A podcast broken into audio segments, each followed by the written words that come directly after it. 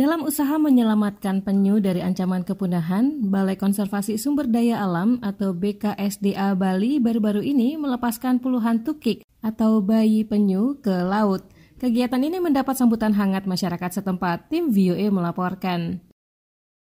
Kamis pagi menjelang siang 20 Januari, puluhan orang tampak berkumpul di pantai Sanur, Bali. Di tangan mereka masing-masing ada seekor tukik.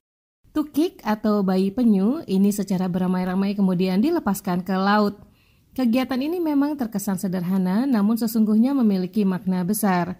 Kepala BKSDA Bali, Agus Budi Santoso menjelaskan, persentase tukik lahir sampai kemudian dia bisa bertelur itu 1 sampai 2 persen saja. Jadi angkanya sangat kecil.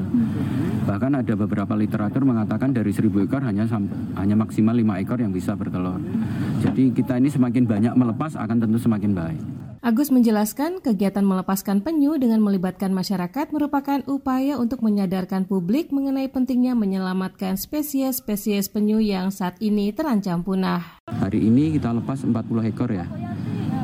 Anakan eh, dari dua jenis, ada penyu sisik dan penyu lekang. Eh, sebagian besar memang penyu lekang gitu. Eh, penyu sisik memang eh, untuk saat ini agak agak sedikit populasinya untuk yang bisa bertelur di Pulau Bali.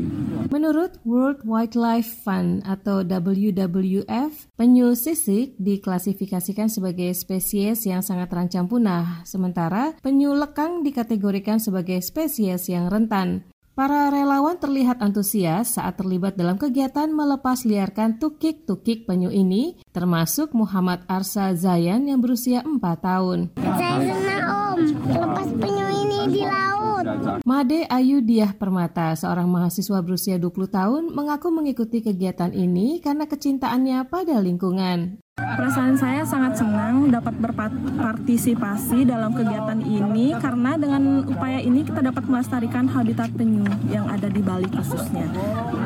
Ketika ditanya apa pelajaran yang bisa dipetik langsung dari kegiatan ini, perempuan itu menjawab, yaitu dengan mengedukasi masyarakat agar tidak adanya pemburuan liar penyu dan uh, penyu bisa uh, apa namanya bisa dilestarikan agar uh, anak cucu kita masih tetap melihat penyu.